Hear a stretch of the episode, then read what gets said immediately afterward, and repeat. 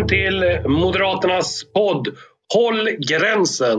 Och eh, det är den vanliga laguppställningen. Vi har till exempel bredvid mig så har sitter här. Paul Jonsson som är försvarspolitisk talesperson. Vi har Jessica Rosvall.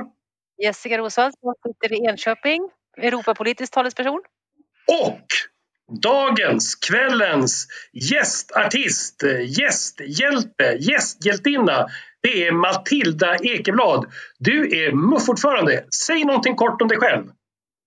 Ja, jag har varit eh, MUFs förbundsordförande nu i eh, två månader. Jag kommer ifrån Östergötland. Det är lite kort om mig.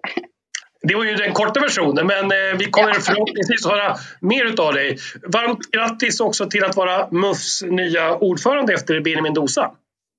Tack så mycket. Superkul att få vara här och gästa er. Jättekul. Och eh, det, ja, det som för mig, visst har du pluggat i Östergötland vid Linköping? va? Ja, men precis. Jag läste till statsvetare där nu. Blev inte riktigt klar, men jag får ta tag i det efter jag har varit förbundsordförande klart.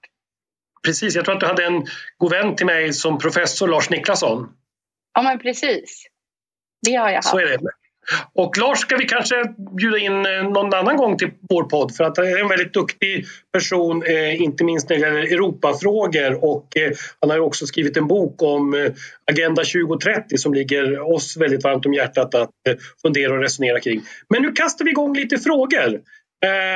Jessica, du får börja. Ja, precis. Nej, men vi tänkte använda det här, Matilda, till att liksom ställa lite frågor om våra hjärtefrågor till dig och till MUF.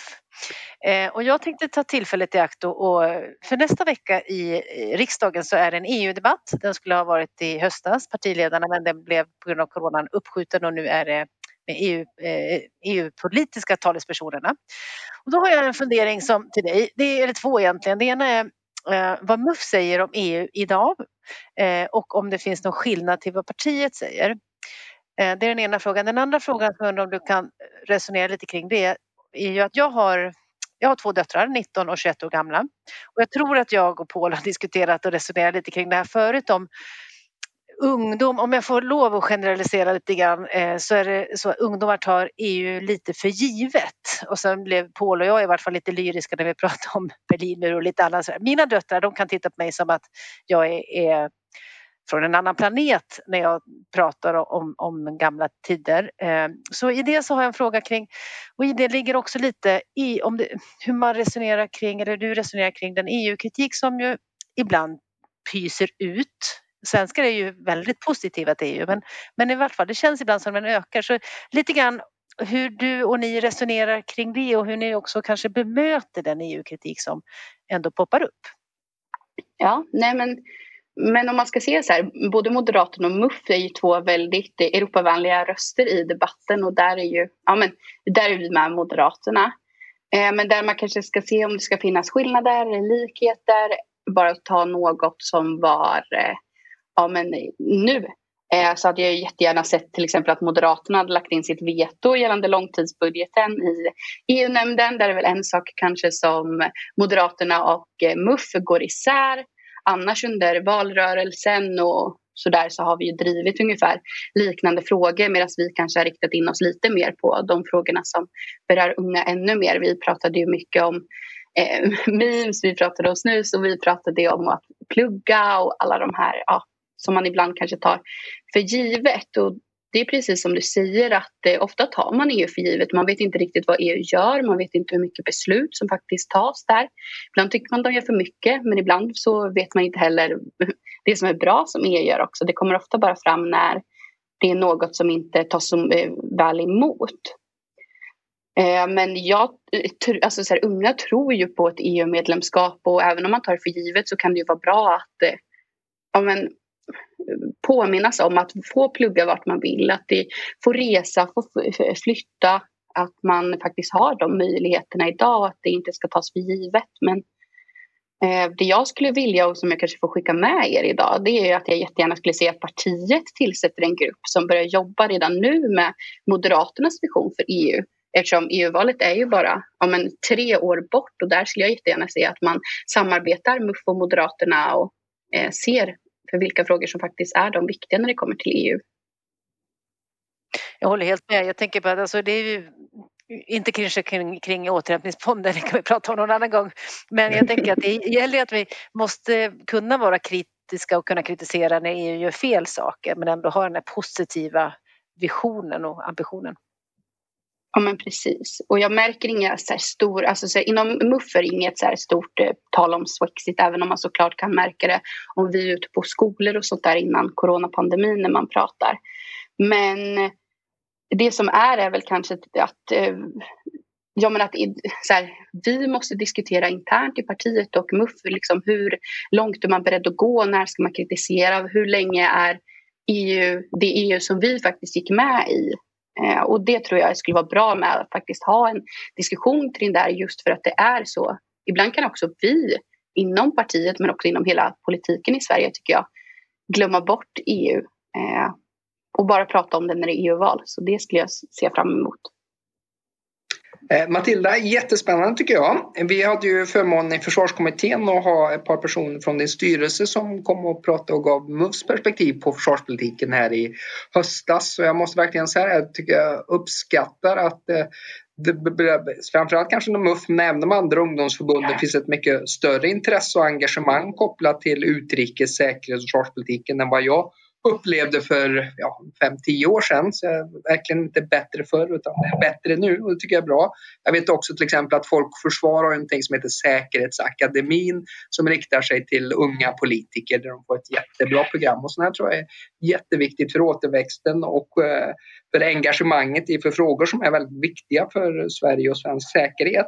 Men jag hade faktiskt ett par specifika frågor som jag var lite nyfiken på hur ni ser på. Och det ena handlar ju om att vi från Moderaternas sida sagt att vi behöver ha ett 2% mål eller motsvarande 2% utav eh, försvarsutgifterna, eh, 2 av BNP som bör gå till försvarsutgifterna. Det har varit rätt så viktig ledstjärna för oss, det har jag märkt under de här försvarsförhandlingarna nu också då. Eh, så jag undrar lite grann på hur MUF ser på det och så undrar jag också på hur ni ser på värnplikten. Vi har ju lagt om Försvarsmaktens eh, personalförsörjningssystem från att ha gått från bara plikt till att sen ha eh, till att faktiskt ha bara heltidsanställda soldater eller deltidsanställda soldater. Och nu öppnar vi upp igen för plikten. Men jätteintresserad av att höra dina infallsvinklar både på försvarsutgifterna och på värnplikten. Ja, nej men självklart. Vi har länge stått bakom att det är klart att det ska vara 2 procent. Eh, Eh, 2-procentsmålet främst för att vi är eh, vurmare för Nato, att det då krävs men också för att försvaret är alldeles för viktigt för att eh, underfinansieras och att det, vi kanske är lite fredsskadade i Sverige som inte tänker på hur faktiskt viktigt det är med ett försvar. Men om det så krävs så kommer vi ångra oss på sekunden om vi inte har ett starkt eh, försvar även i fredstid. Så det tänker jag är en förutsättning att eh, sträva hela tiden mot eh, 2 och inte nöja oss förrän vi är där. Men om man ska ta värnplikten, där är vi kanske inte lika mycket överens mellan MUF och Moderaterna. Eh, vi är inte för en värnplikt. Vi tror ju på ett yrkesförsvar där människor inte tvingas till tjänstgöring. För att vi tror inte att det så här, ett, rent ideologiskt så tror vi inte på att eh, staten ska tvinga. Eh, men sen är det ju inte kanske den typen heller av försvar vi behöver och om man ska eh, rikta in sig och sen så är, blir de bästa soldaterna, är det de som tvingas till att göra det eller är det för att man ska, kan locka med bättre Eh, betalt och bättre villkor och att det faktiskt blir en attraktiv arbetsgivare. Så vi håller med om 2 målet men värnplikten är vi faktiskt motståndare mot. Nu eh, kommer Hans in här som eh, den, den äldre onken. Här liksom. Nej, men jag tycker i grunden att det, det är väl väldigt bra att uh, ungdomsförbund och parti inte alltid går uh, sida vid sida i alla frågor. Att man är klar om inriktningen, skyddet av Sverige, säkerhet. Det är väl eh, oerhört viktigt eh, och det är inte alla partier som kan stoltsera med det. Men sen är det klart att eh, man i vissa praktiska frågor och dit får man väl ändå säga att värnplikten kan vara. Vi är ju fortfarande ett land där eh, även när de nya regementen och en del annat är på plats så kanske vi pratar om 8 procent utav varje årskull av 18-åringar som kommer att göra militärtjänst. Och det gör ju att det kommer ändå vara baserat väldigt mycket på eh, det egna engagemanget och intresset. Men det här är en fråga som vi också haft diskuterat på partistämmor och eh, i den senaste partistämman så ställde ju sig stämmans majoritet bakom eh, partistyrelsens förslag om bland annat det här med värnplikt. Eh, men jag vill också fortsätta egentligen det Paul sa. Jag tycker också att en, ett otroligt engagemang och intresse hos eh, eh, Moderata ungdomsförbundet, Moderata studenter, eh, Fria Moderata studentförbundet just inom de här sektorerna, Europa, försvar, utrikes, säkerhetspolitik. Det är fantastiskt glädjande för det gör ju också att eh, vi har ju nya generationer som kommer att komma in också efter Jessica och Paul och mig. Eh, och det tycker jag är bra. Konkret så vet jag också att ni har visat ett stort intresse specifikt för Kina och du har också själv varit väldigt engagerad där. Kan du säga någonting om MUF och MUFs syn på Folkrepubliken Kina? Ja, nej men vi har varit väldigt aktiva i debatten och den debatten kommer vi ju inte sluta, eller de fighterna sluta ta. För vi vet att det fortfarande allt som sker i Kina och att det inte uppmärksammas i den utsträckningen i Sverige, hur det kan fortgå.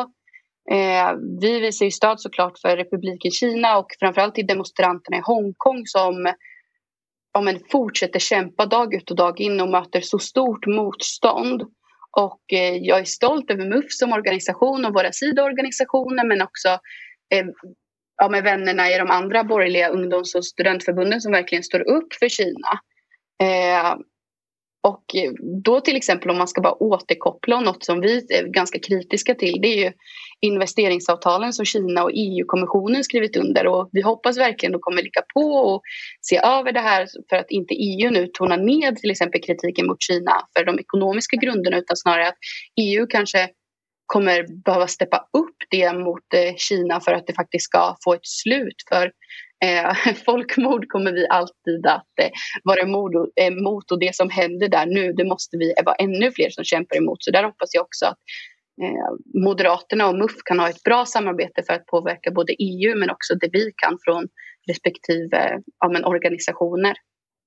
Jag tror att Jessica Rosvall som var eh, Europapolitiska talesperson gör en anteckning på sin gula post-it-lapp, eller hur? Ja, men det gör jag faktiskt.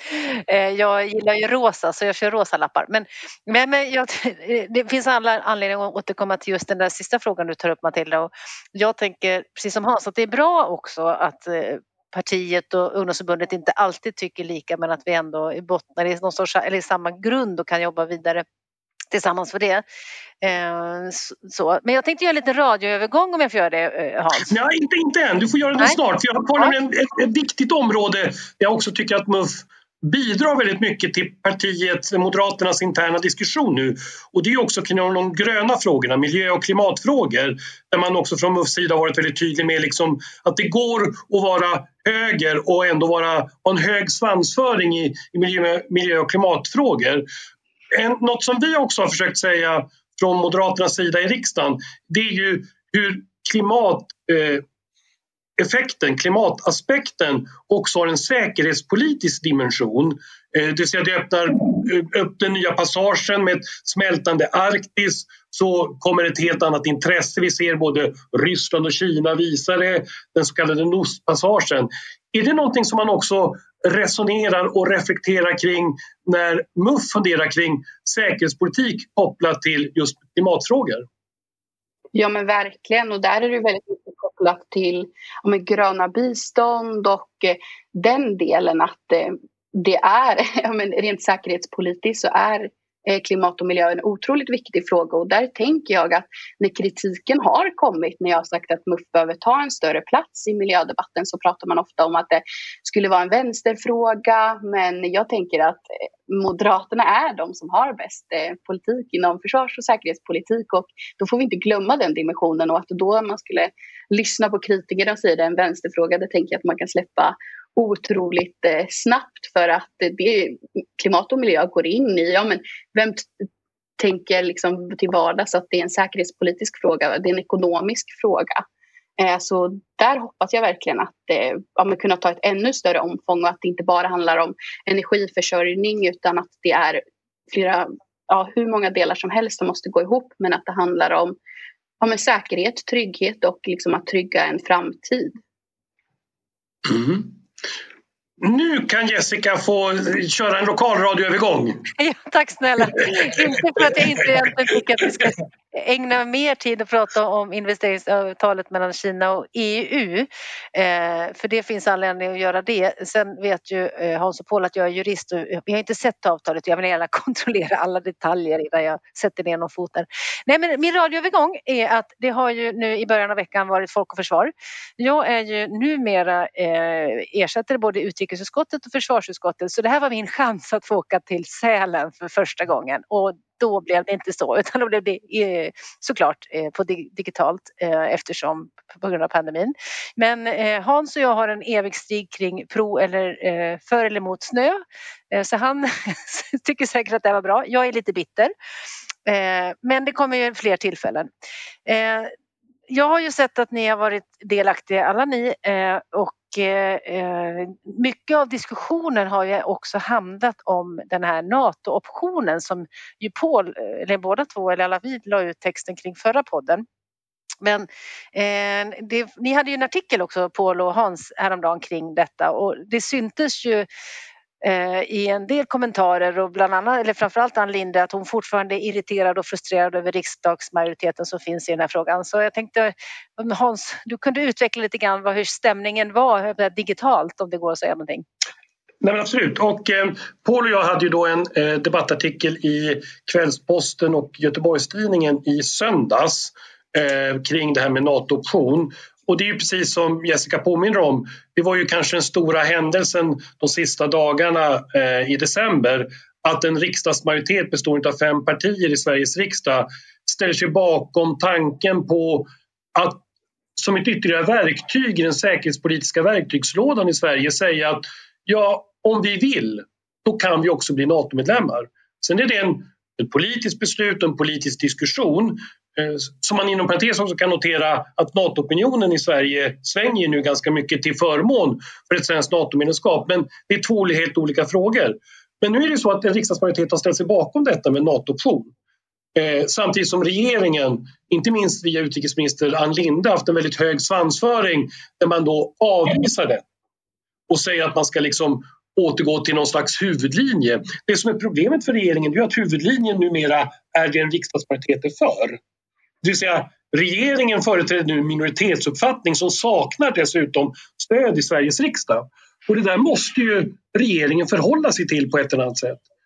Det är otvivelaktigt så att det är regering, en regerings rätt att mejsla fram politiken inom utrikes och säkerhetspolitik. Men en minoritetsregering kan inte bortse ifrån var en riksdagsmajoritet finns. Och då var hela vår utgångspunkt i den debattartikel Paul och jag hade det var ju ett, eh, skulle jag säga, till och med ett erbjudande till Socialdemokraterna att kom nu till sans, fundera igenom och ett sätt för er att hantera riksdagsmajoriteten det skulle kunna vara att bjuda in brett till partiöverläggningar med riksdags alla åtta partier kring detta med NATO-option som det finns en riksdagsmajoritet bakom men också andra stora väsentliga säkerhetspolitiska frågor. Till exempel vår fördjupade relation med Finland där också den här så kallade NATO-optionen är en viktig komponent i det hela. Så att, eh, en klok regering skulle ta den här chansen som det stora oppositionspartiet ändå erbjuder. Eh, och vi har sagt att ni borde tänka över detta åtminstone kanske fram till den utrikespolitiska deklarationen som avges i riksdagen den 24 februari. Så att, eh, det här är en chans för regeringen eh, och framförallt också eh, en möjlighet att besinna sig var tyngden och kraften just nu finns i svensk säkerhetspolitisk debatt. Det är inte hos två partier i en minoritetsregering utan det är hos den breda riksdagsmajoriteten. Det var vår utgångspunkt. Eh, men Paul har ju varit skrivkunnig även på andra områden. Men får jag bara, Hans, jag tänker, ja. en fråga till dig och till er som var med. Alltså just det här med att det är digitalt. Jag tycker ju ändå, jag som satt hemma och följde det, det funkar ganska bra. Men just den där frustrationen och irritationen, kanske inte, den hade kanske kunnat vara lätt att ta på ifall man hade varit på plats och, och sett eh, Ann Lindes reaktioner. Jo, men så är det. Nu var ju vi som deltog i debatten i december, både Paul och jag gjorde ju det. Vi har ju då starka minnen av den fysiska irritation som Peter Hultqvist och Ann Linde uppvisade mot riksdagsmajoriteten i allmänhet och mot moderater i synnerhet. vi hade det liksom med oss redan sen tillbaka. Men du har helt rätt. Alltså, digitala möten kan ju på den punkten aldrig fullt ut ersätta den personliga kontakten.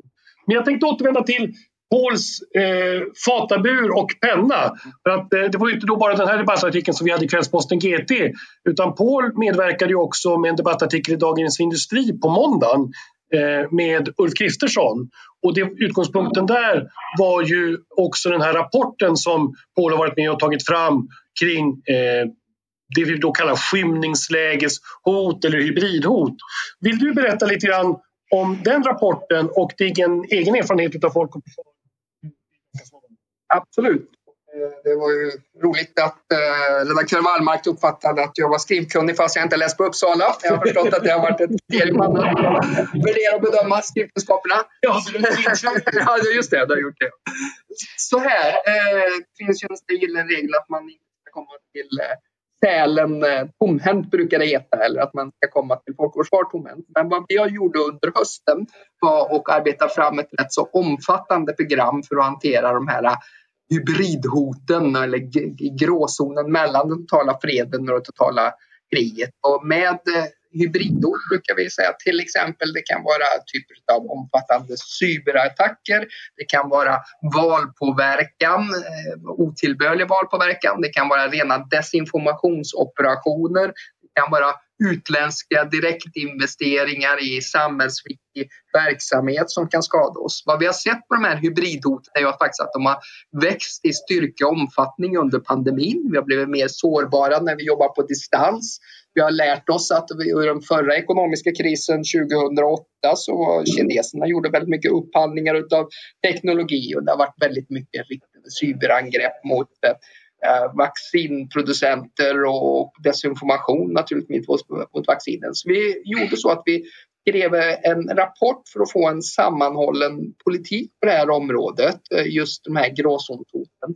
Det var den ena delen som vi beskrev i Dagens Industri. Den andra delen det var ju som vi har identifierat det är liksom bristen på ledarskap under den här krisen. Det är klart att då kan man ju förhålla sig till Axel Oxenstierna och det svenska system som vi har. Men vi tror att en svaghet som vi har för att hantera kriser, det kanske inte så mycket bara på myndigheter utan det är själva regeringskansliet själv i dess konstruktion som har en hel del brister.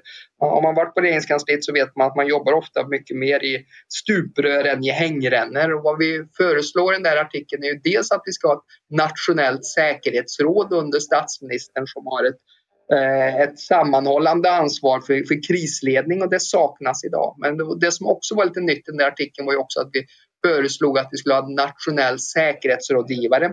Där vi tittar på som ska leda det dagliga operativa arbetet i säkerhetsrådet. Och det har vi tittat framförallt kanske på Storbritannien som har utvecklat en mycket framgångsrik sån modell på att eh, kunna leda olika typer av kriser. Så det var lite grann fokus kopplat till, till gråzonen hybrid och eh, jag uppfattar att det slog rätt så väl ut för att täcka en lucka i svensk politik som vi kanske inte har berört tillräckligt väl. Det här är ju olika typer av hot, risker och sårbarheter som har växt fram väldigt snabbt under de senaste åren. Jag brukar säga att de är ofta Eh, Eh, en form av symptom av en ökad stormaktskonfrontation. Eh, att framförallt Kina och Ryssland använder andra typer av medel än bara de militära och kinetiska för att hota och komma åt olika sårbarheter. Det andra uppdraget, eh, både jag och Hans har varit i paneler här och jag vet Hans, du pratade ju om utrikes och säkerhetspolitiken och jag pratade en del om försvarspolitiken och då var ju huvudfokus då, då uppdraget var att vi skulle prata om försvaret bortanför 2030 det kändes ju lite, det är knappt bläcket är torrt på det nuvarande försvarsbeslutet då och, eh, och eh, man tänkte lite grann här eh, som nationalekonomer brukar prata om in the long run, in the short run and in the long run we're all dead. Så att vi, jag kände väl att många av oss flyttade fokus lite närmare. För huvudfokus nu i försvarspolitiken det handlar ju om att faktiskt genomföra och förverkliga det försvarsbeslut som vi precis har fattat. Och det kommer att bli en stor och grannlaga uppgift för att vi ska tillväxa rätt så snabbt under, under en kort tid. Men det var några av de intryck som jag och eh, bär med mig i alla fall från Folk och Försvar i Sälen. Det är ju lite, lite speciellt nu om att det var digitalt. Men Matilda, jag vet du också har varit med på i Sälen. Jag är lite nyfiken på eller, Folk och Försvar och undrar vad dina intryck är från, eh, om inte årets konferens, men i allmänhet på Sälen. Ja, nej men det var ju min första Folk och Försvar år och det var såklart att det blev lite tråkigt att det då blev digitalt men jag hoppas ju att det, det blir bättre till nästa år.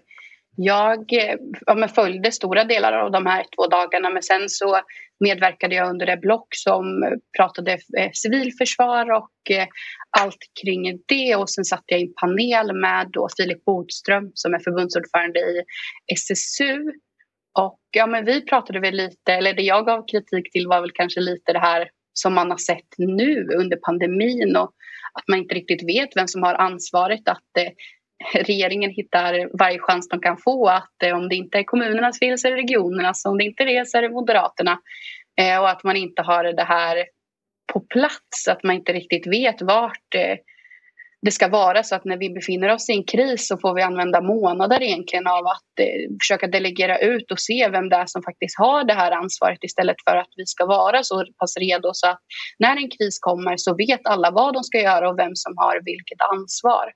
Och det var väl lite det som jag försökte att eh, lyfta upp när jag deltog. Men som jag sagt tidigare just att eh, den idag aktiva politiska ungdoms och studentgenerationen är ju väldigt synbara i försvars och säkerhetsfrågor och det tycker jag också präglade Folk och Försvar under de här dagarna. Precis som du själv är inne på, SSU, MUF, eh, eh, Liberala ungdomsförbundet, eh, eh flera utav eh, dem var ju väldigt aktiva. Och sen noterar jag nu att de som också kommenterar har blivit liksom lite tyckare som eh, Perkiainen till exempel, gammal studentförbundsordförande. Man ser ju att ja, det verkligen har blivit den här återväxten inom eh, inte minst försvars och säkerhetspolitikens område. Eh, Jessica hade ju tidigare en lokalradioövergång så jag kan väl bjuda på en, en själv som med. Eh, för att Sälen och Folk och Försvar har ju varit kanske det stora de senaste dagarna inrikespolitiskt. Och vi har ju berört flera aspekter av det, både liksom den kommande inriktningen på försvaret i och med försvarsbeslutet, eh, diskussioner kring NATO-option och eh, gråzonsproblematik. Men det har ju också varit en annan händelse som Ja, det är två andra händelser eh, och vi kan väl beta av båda av utrikespolitisk karaktär som ändå liksom kastar ett stora, långa skuggor över oss. Och vi börjar med den första skuggan, nämligen Brexit. Eh, nu är ju liksom Brexit eh, ett faktum, det är genomfört. Eh, och eh, vi börjar ju kanske också skönja en del konsekvenser utav det. Jessica, kan du lite kort kommentera både hur du tycker att det har gått med de här första dagarna med skilsmässan, den, den riktiga skilsmässan mellan Europa och Storbritannien och vad vi kan se framför oss nu. Och det är väl dessutom så att formellt sett så är det väl än så länge eh, bara ett preliminärt avtal utan man är inne i den här fasen att man nu ska godkänna det på lite olika håll. Så att det, är, det är preliminärt men fungerande, kan man säga så? Ja, det är nog väldigt definitivt också men, men det, Eh, man, jag vet knappt var man ska börja men det stämmer. Alltså att nu vi ändå har liksom kommit till ett avslut i detta. Eh, alltså när man tänker efter, midsommar 2016 minns vi kanske några av oss vad vi gjorde eh, och blev överrumplade och inte trodde att, det, att britterna skulle rösta som de gjorde och sen, sen dess har vi liksom på olika sätt förhandlat, inte jag direkt såklart men men i vart fall. Och det har ju tagit en tid och vi har varit ett antal deadlines, deadlines och deadlines och, och alla har man liksom passerat hela tiden. Det har ju liksom under tiden har det varit övergångsregler så vi har inte märkt av det. Men nu från och med första januari nu så är det ju ändå så att eh, Storbritannien är inte en del av EU. Och så då på julafton någonstans där runt Kalle strax före så kommer ett sms eh, och lite nyhetsflash att nu hade EU och UK nått en överenskommelse. Um, och då, alltså, deadlines var ju till för att verkligen hinna få, kunna få kontrollera, gå igenom och ta, besluta om enligt gängse liksom, regler som vi har, det vill säga i rådet och i parlamentet och så vidare. Men som sagt var, några dagar före nyårsafton eller eh, första januari så det blev lite tajt och därför är den här övergångsperioden. Ehm, men jag skulle ändå säga att det här avtalet är Rådet har, tagit, har, beslut, har sagt ja alla medlemsstater. Eh, Storbritannien och till och med drottningen har ju godkänt det här så att det är ju Europaparlamentet kvar men det är klart att det kommer säkert finnas några Eh, justeringar på marginalen som kommer göras men i övrigt så tror jag nog att det kommer ligga fast. Eh, jag så, med risk för att då, eh, vad heter det, eh, säga emot mig själv tidigare eller om att sitta och kontrollera detaljerna Eh, och det här avtalet som kom då, någon då på julafton är 1246 sidor plus lite bilagor så jag har inte läst allting. Eh, men, men det positiva är ju Eh, och det är väl det man kunna förhoppningsvis skönja redan, det är ju att det här var ett väldigt ambitiöst frihandelsavtal som vi eh, har efterlängtat även om vi hade helst sett att UK var kvar i EU. Men, men det som vi kanske inte har sett så mycket än av och det var väl en av mina frå inledande frågor till, till Dag, eh, Hans Dahlgren med medarbetare. Det är, alltså, det är ju, även om det här är bra på det viktiga sättet att det är tullfritt och kvotfritt avtal. Men det innebär ju inte att det liksom är helt smärtfritt utan det kommer innebära en, en hel del mer byråkrati eh, och många företag som inte är vana med att handla med länder utanför EU. Så, så att det handlar om att ge de företagen möjlighet att liksom ta till sig den här omställningen, vad det kommer att innebära. Så de, jag tror inte vi har sett det fullt ut. Eh, sen tror jag också att många företag på båda sidorna hade laddat upp Eh, eh, förberett sig för det här så vi har nog inte liksom sett konsekvenserna riktigt än av det, tror jag faktiskt. Eh, men som sagt det är ändå eh, otroligt positivt för Sverige och för EU och för britterna också tror jag att ha det här, fri, det här ambitiösa frihandelsavtalet. Det, liksom, det skapar förutsägbarhet och liksom också tror jag en bra grund att stå på att fortsätta ha en ska säga, nära fortsatt nära och gott samarbete med Storbritannien som har varit eh, otroligt viktigt för, för oss moderater och för, för Sverige faktiskt. Men, så det, så det, jag, jag har som sagt inte läst alla sidor men, och det, men det tråkiga är väl att det, det, saknas ju trots allt en del saker också.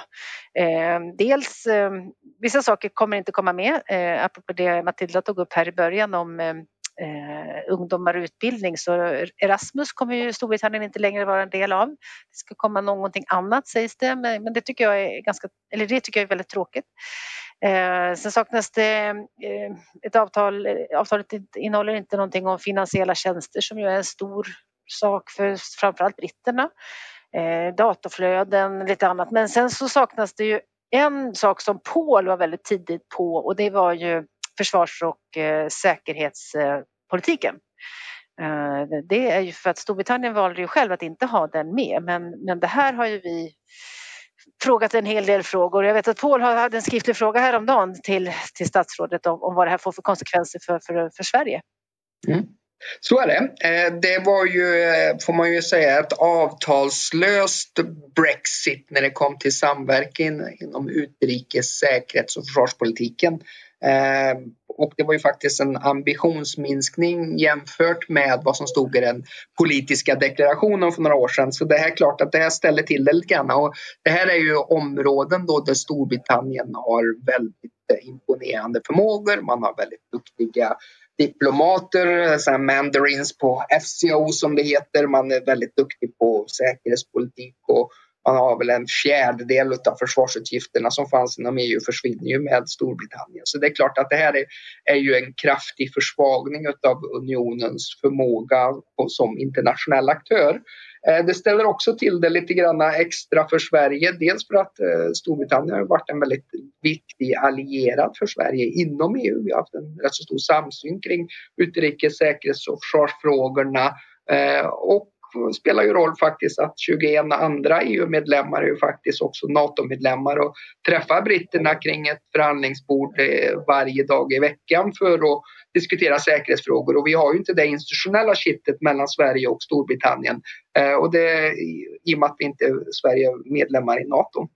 Eh, det, det, är den ena delen som jag tycker är problematisk, då att det blev ett magert eh, avtal åtminstone på säkerhets och försvarsområdet. Sen kommer ju Storbritannien fortsatt att jobba en del på intern säkerhet när det kommer att vara utbyte av fingeravtryck och den här gemensamma common arrest warrant och lite cybersäkerhet och sådana saker. Men det, det, är en kraftig försvagning utav utav eh, samarbetet där på, på det utrikes området.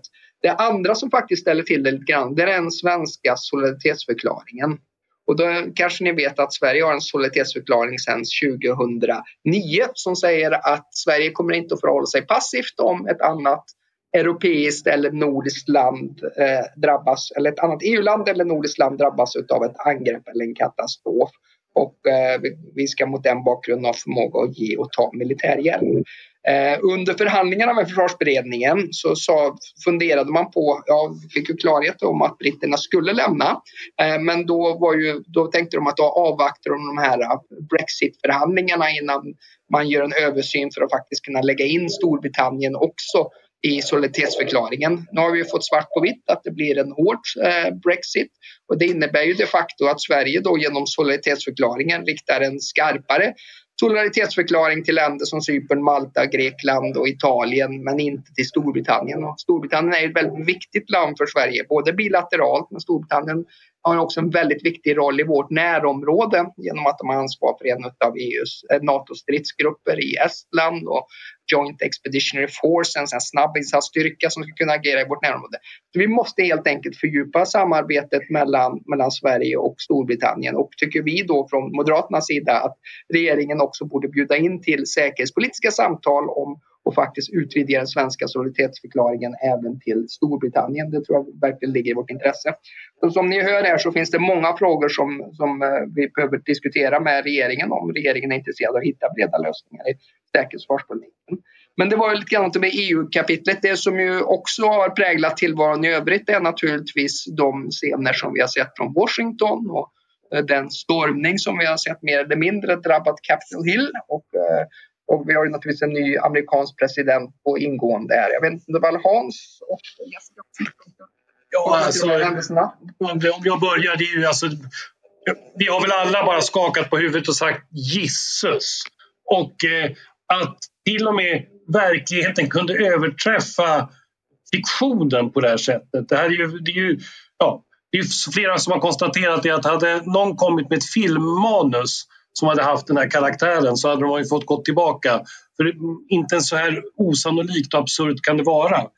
Eh, nej men det, och det är ju djupt beklagligt och jag är ju lite historiskt intresserad och alltså bara den här tanken att ha sydstaternas konfederationens flagga inne i rotundan på Kapitolium. Det var ju där Abraham Lincoln låg på lite parad efter att han hade mördats eh, Först genom att ha drivit då, eh, antislaveripolitiken, eh, utkämpat inbördeskriget, vunnit inbördeskriget och sen ändå liksom lagt ner mycket tid på att fundera igenom hur helar man nu en söndrad nation?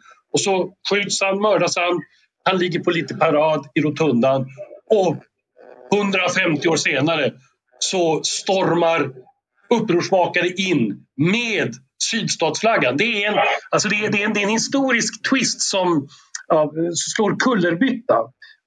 Det är egentligen mitt bidrag. I övrigt så tycker jag att alla andra de fördömer och ja, använder alla de här tonlägen. Det är ju liksom fullt rimligt. Matilda, vad säger, vad säger du om MUF kring detta?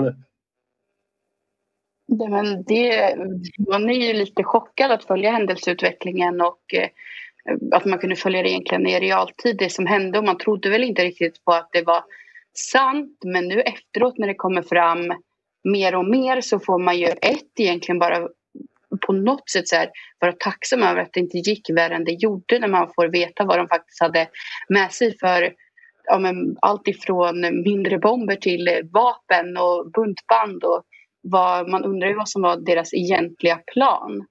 Och ja, det ska bli intressant men samtidigt är det såklart lite läskigt att följa utvecklingen och se hur det går både med eh, Trump men också framförallt med alla de som eh, ja, tog sig in och de som begick de här brotten. Men det är helt galet och vi, som du sa, att om någon hade sagt att det här var en film så hade man tänkt ja, men det är sånt här som bara händer på film. Ja, och nu får man, nu får man väl nu börja säga så här. Ja, det är bara sånt här som händer i verkligheten. Eh, Jessica, ja. vad säger du? Nej, jag bara instämmer. Alltså, som sagt, man, på något vis, på nyårsafton där så tänkte man ju att det här eh, skitåret, nu ska vi se fram emot och så var Brexit var lite klart och så här. Men, och sen, som, som Matilda säger, man är lite chock fortfarande. Att det fortfarande kommer nya uppgifter hela tiden. Och sen men eh, det positiva, nu har jag inte följt utvecklingen idag just, men alltså det positiva är väl ändå att det kommer fler och fler republikaner som hamnar på rätt sida och uttalar, alltså, och det är, väl, för det är ju en oro vi har också att liksom, vad ska republikanska partiet ta vägen? Um, och, och, och, så det, att, men i alla fall jag hoppas att det här fyra år av den här polariserade tiden eh, ändå är dels ta slut men också att det går att vända och det kommer inte vara så enkelt såklart. Jag bara, en twist kanske, alltså jag vet inte hur mycket ni har följt den där Skellefteå-halsduken. Var inte det också en twist Hans? Liksom? jo, jo, men, men av, av, lätt, av lätt införstådda skäl så vill jag just nu, de här dagarna, inte kommentera ishockey så mycket utan vi, vi sparar det till... Men det var till, ishockey faktiskt. Jag tänkte till, nämligen att vi skulle kunna prata om ishockey men det där var ju Skellefteå-halsduken, eller halsduken var ju inte ishockey utan det var ju kommunen. Ja, men det, jag tycker just att eh, den här veckan så utgår sportreferenser eh, och lite annat sånt. Eh, men det gör att jag tänkte komma in också lite nu på eh, upploppet, höll jag på att säga. Det var ju lite vitsigt med tanke på eh, upproret i Washington DC. Men runda av eh, dagens poddavsnitt eh, lite grann. Och vi brukar alltid ha en sån här avslutande fråga. Och då är min avslutande fråga följande. Jag ska ge en liten relief. Vi har ju pratat väldigt mycket om ungdomsgenerationen.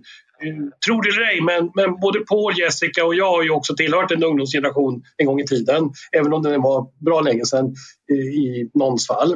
Eh, och då hade man ju ändå liksom olika former av politiska hjältar. Och i mitt fall, och ja, i vårt fall, så var ju de hjältarna levande och aktiva när man själv var ung. Eh, ja, men mitt mitt Europa och min världspolitik under framförallt 80-talet formades ju väldigt mycket av sådana giganter som Helmut Kohl i Tyskland, eh, Margaret Thatcher i Storbritannien, Ronald Reagan i USA.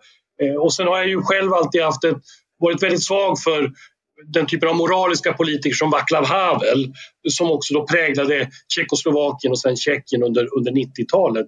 Så att det har varit en, en tid av stora personligheter. Och då är min enkla fråga, vem är dagens stora politiska personligheter? Vem ser man upp till? Matilda, vem använder, vem använder du som en sån dagspolitisk referenspunkt?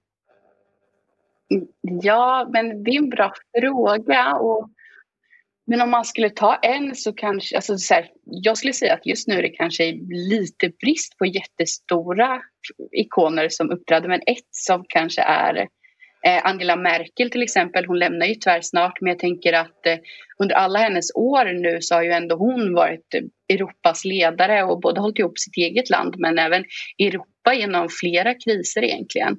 Och eh, hennes ledarskap imponeras jag av men jag tror att också många runt om både i Sverige men också i Europa imponeras av och kommer sakna hennes ledarskap. Mm. Eh, så det är väl en person.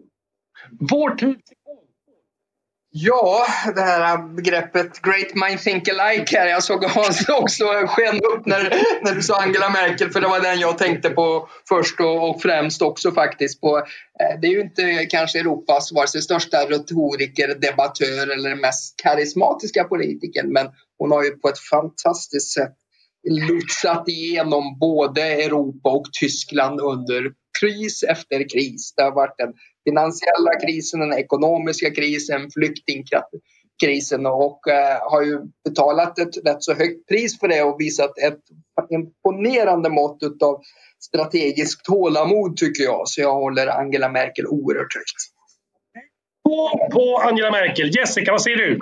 Alltså, jag tänker inte bryta den här. Jag, jag håller med eh, om att det är lite också som Mattias säger, det är svårt att komma på någon annan just nu men, men dessutom så hon ju, har hon ju eh, hanterat så många kriser som sagt var. Men jag såg en rubrik igår, jag tror det var DN, det stod världens mäktigaste kvinna på väg att avgå. Tre män slåss om makten.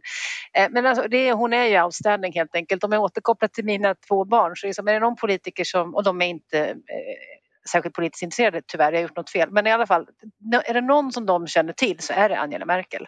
Så att eh, det, min röst går på henne också. Okej, tre av tre. Då får man ju säga så här, om Moderaterna får välja, då säger fyra av fyra Mutti, eh, europeisk politiks stora ledare just nu får man ändå säga. Egentligen är det väl två om man ska vara ärlig. Det är väl Macron i, i Frankrike och så är det Merkel i Tyskland. Men eh, det är ju det är ju symptomatiskt då att eh, när fyra moderater kan välja så väljer alla fyra moderater Angela Merkel. Och också en lite spännande spaning som Jessica var inne på. Det finns nog skäl att tro att vi kommer att ta upp det i kommande poddar. Det är ju, vem kommer då efter? Både hur ser arvet ut men hur ser också eh, fortsättningen ut? Eh, nu ska man ju inte ägna sig allt för mycket åt förutsägelser för det kan man ju alltid få äta upp. Men jag skulle då gissa så här, för att det kommer ju avgöras nu de kommande dagarna. Jag tror att eh, nästa ledare för CDU kommer att heta Friedrich Merz. Eh, han har också haft en liten konflikt tidigare med, eh, med Merkel, varit utanför partiet och det här kan vara kanske hans eh, komma tillbaka. Sen kan man inte utesluta att det kanske blir någon annan som blir deras kanslerkandidat. Man kan ju göra så i Tyskland och det har ju skett förut. Och då tror jag att man ska hålla ett öga på Markus Söder eh, som är eh, förbundspresident i Bayern och leder då systerpartiet CSU. Men det kan vara fullt möjligt att eh, CDU CSU skulle landa i en gemensam kandidat som skulle kunna vara då den bayerska ledaren. Det var länge sedan sist, det var Franz Josef Strauss en gång i tiden. Men det har skett förut och det kan möjligtvis ske igen. Och problemet med den här förutsägelsen och gissningen är att det här kan ju få äta upp väldigt många fler gånger. Eh, kanske fler än också kommande ishockeyresultat. Eh, men med det, e, återigen, när Moderaterna får välja, då väljer vi Angela Merkel i Europa. Och med det så vill jag då tacka. Jag vill tacka Paul, jag vill tacka Jessica och jag vill tacka Matilda väldigt mycket. Önskar dig lycka till och stora framgångar eh, med ditt MUF och ta gärna med liksom det beröm som alla vi tre nu öser över studentförbund, MST, MUF över den eh, höga kompetensnivå ni bygger upp i frågor som vi tycker är viktiga som Europa, försvar och utrikes. Tack ska ni ha! Tack!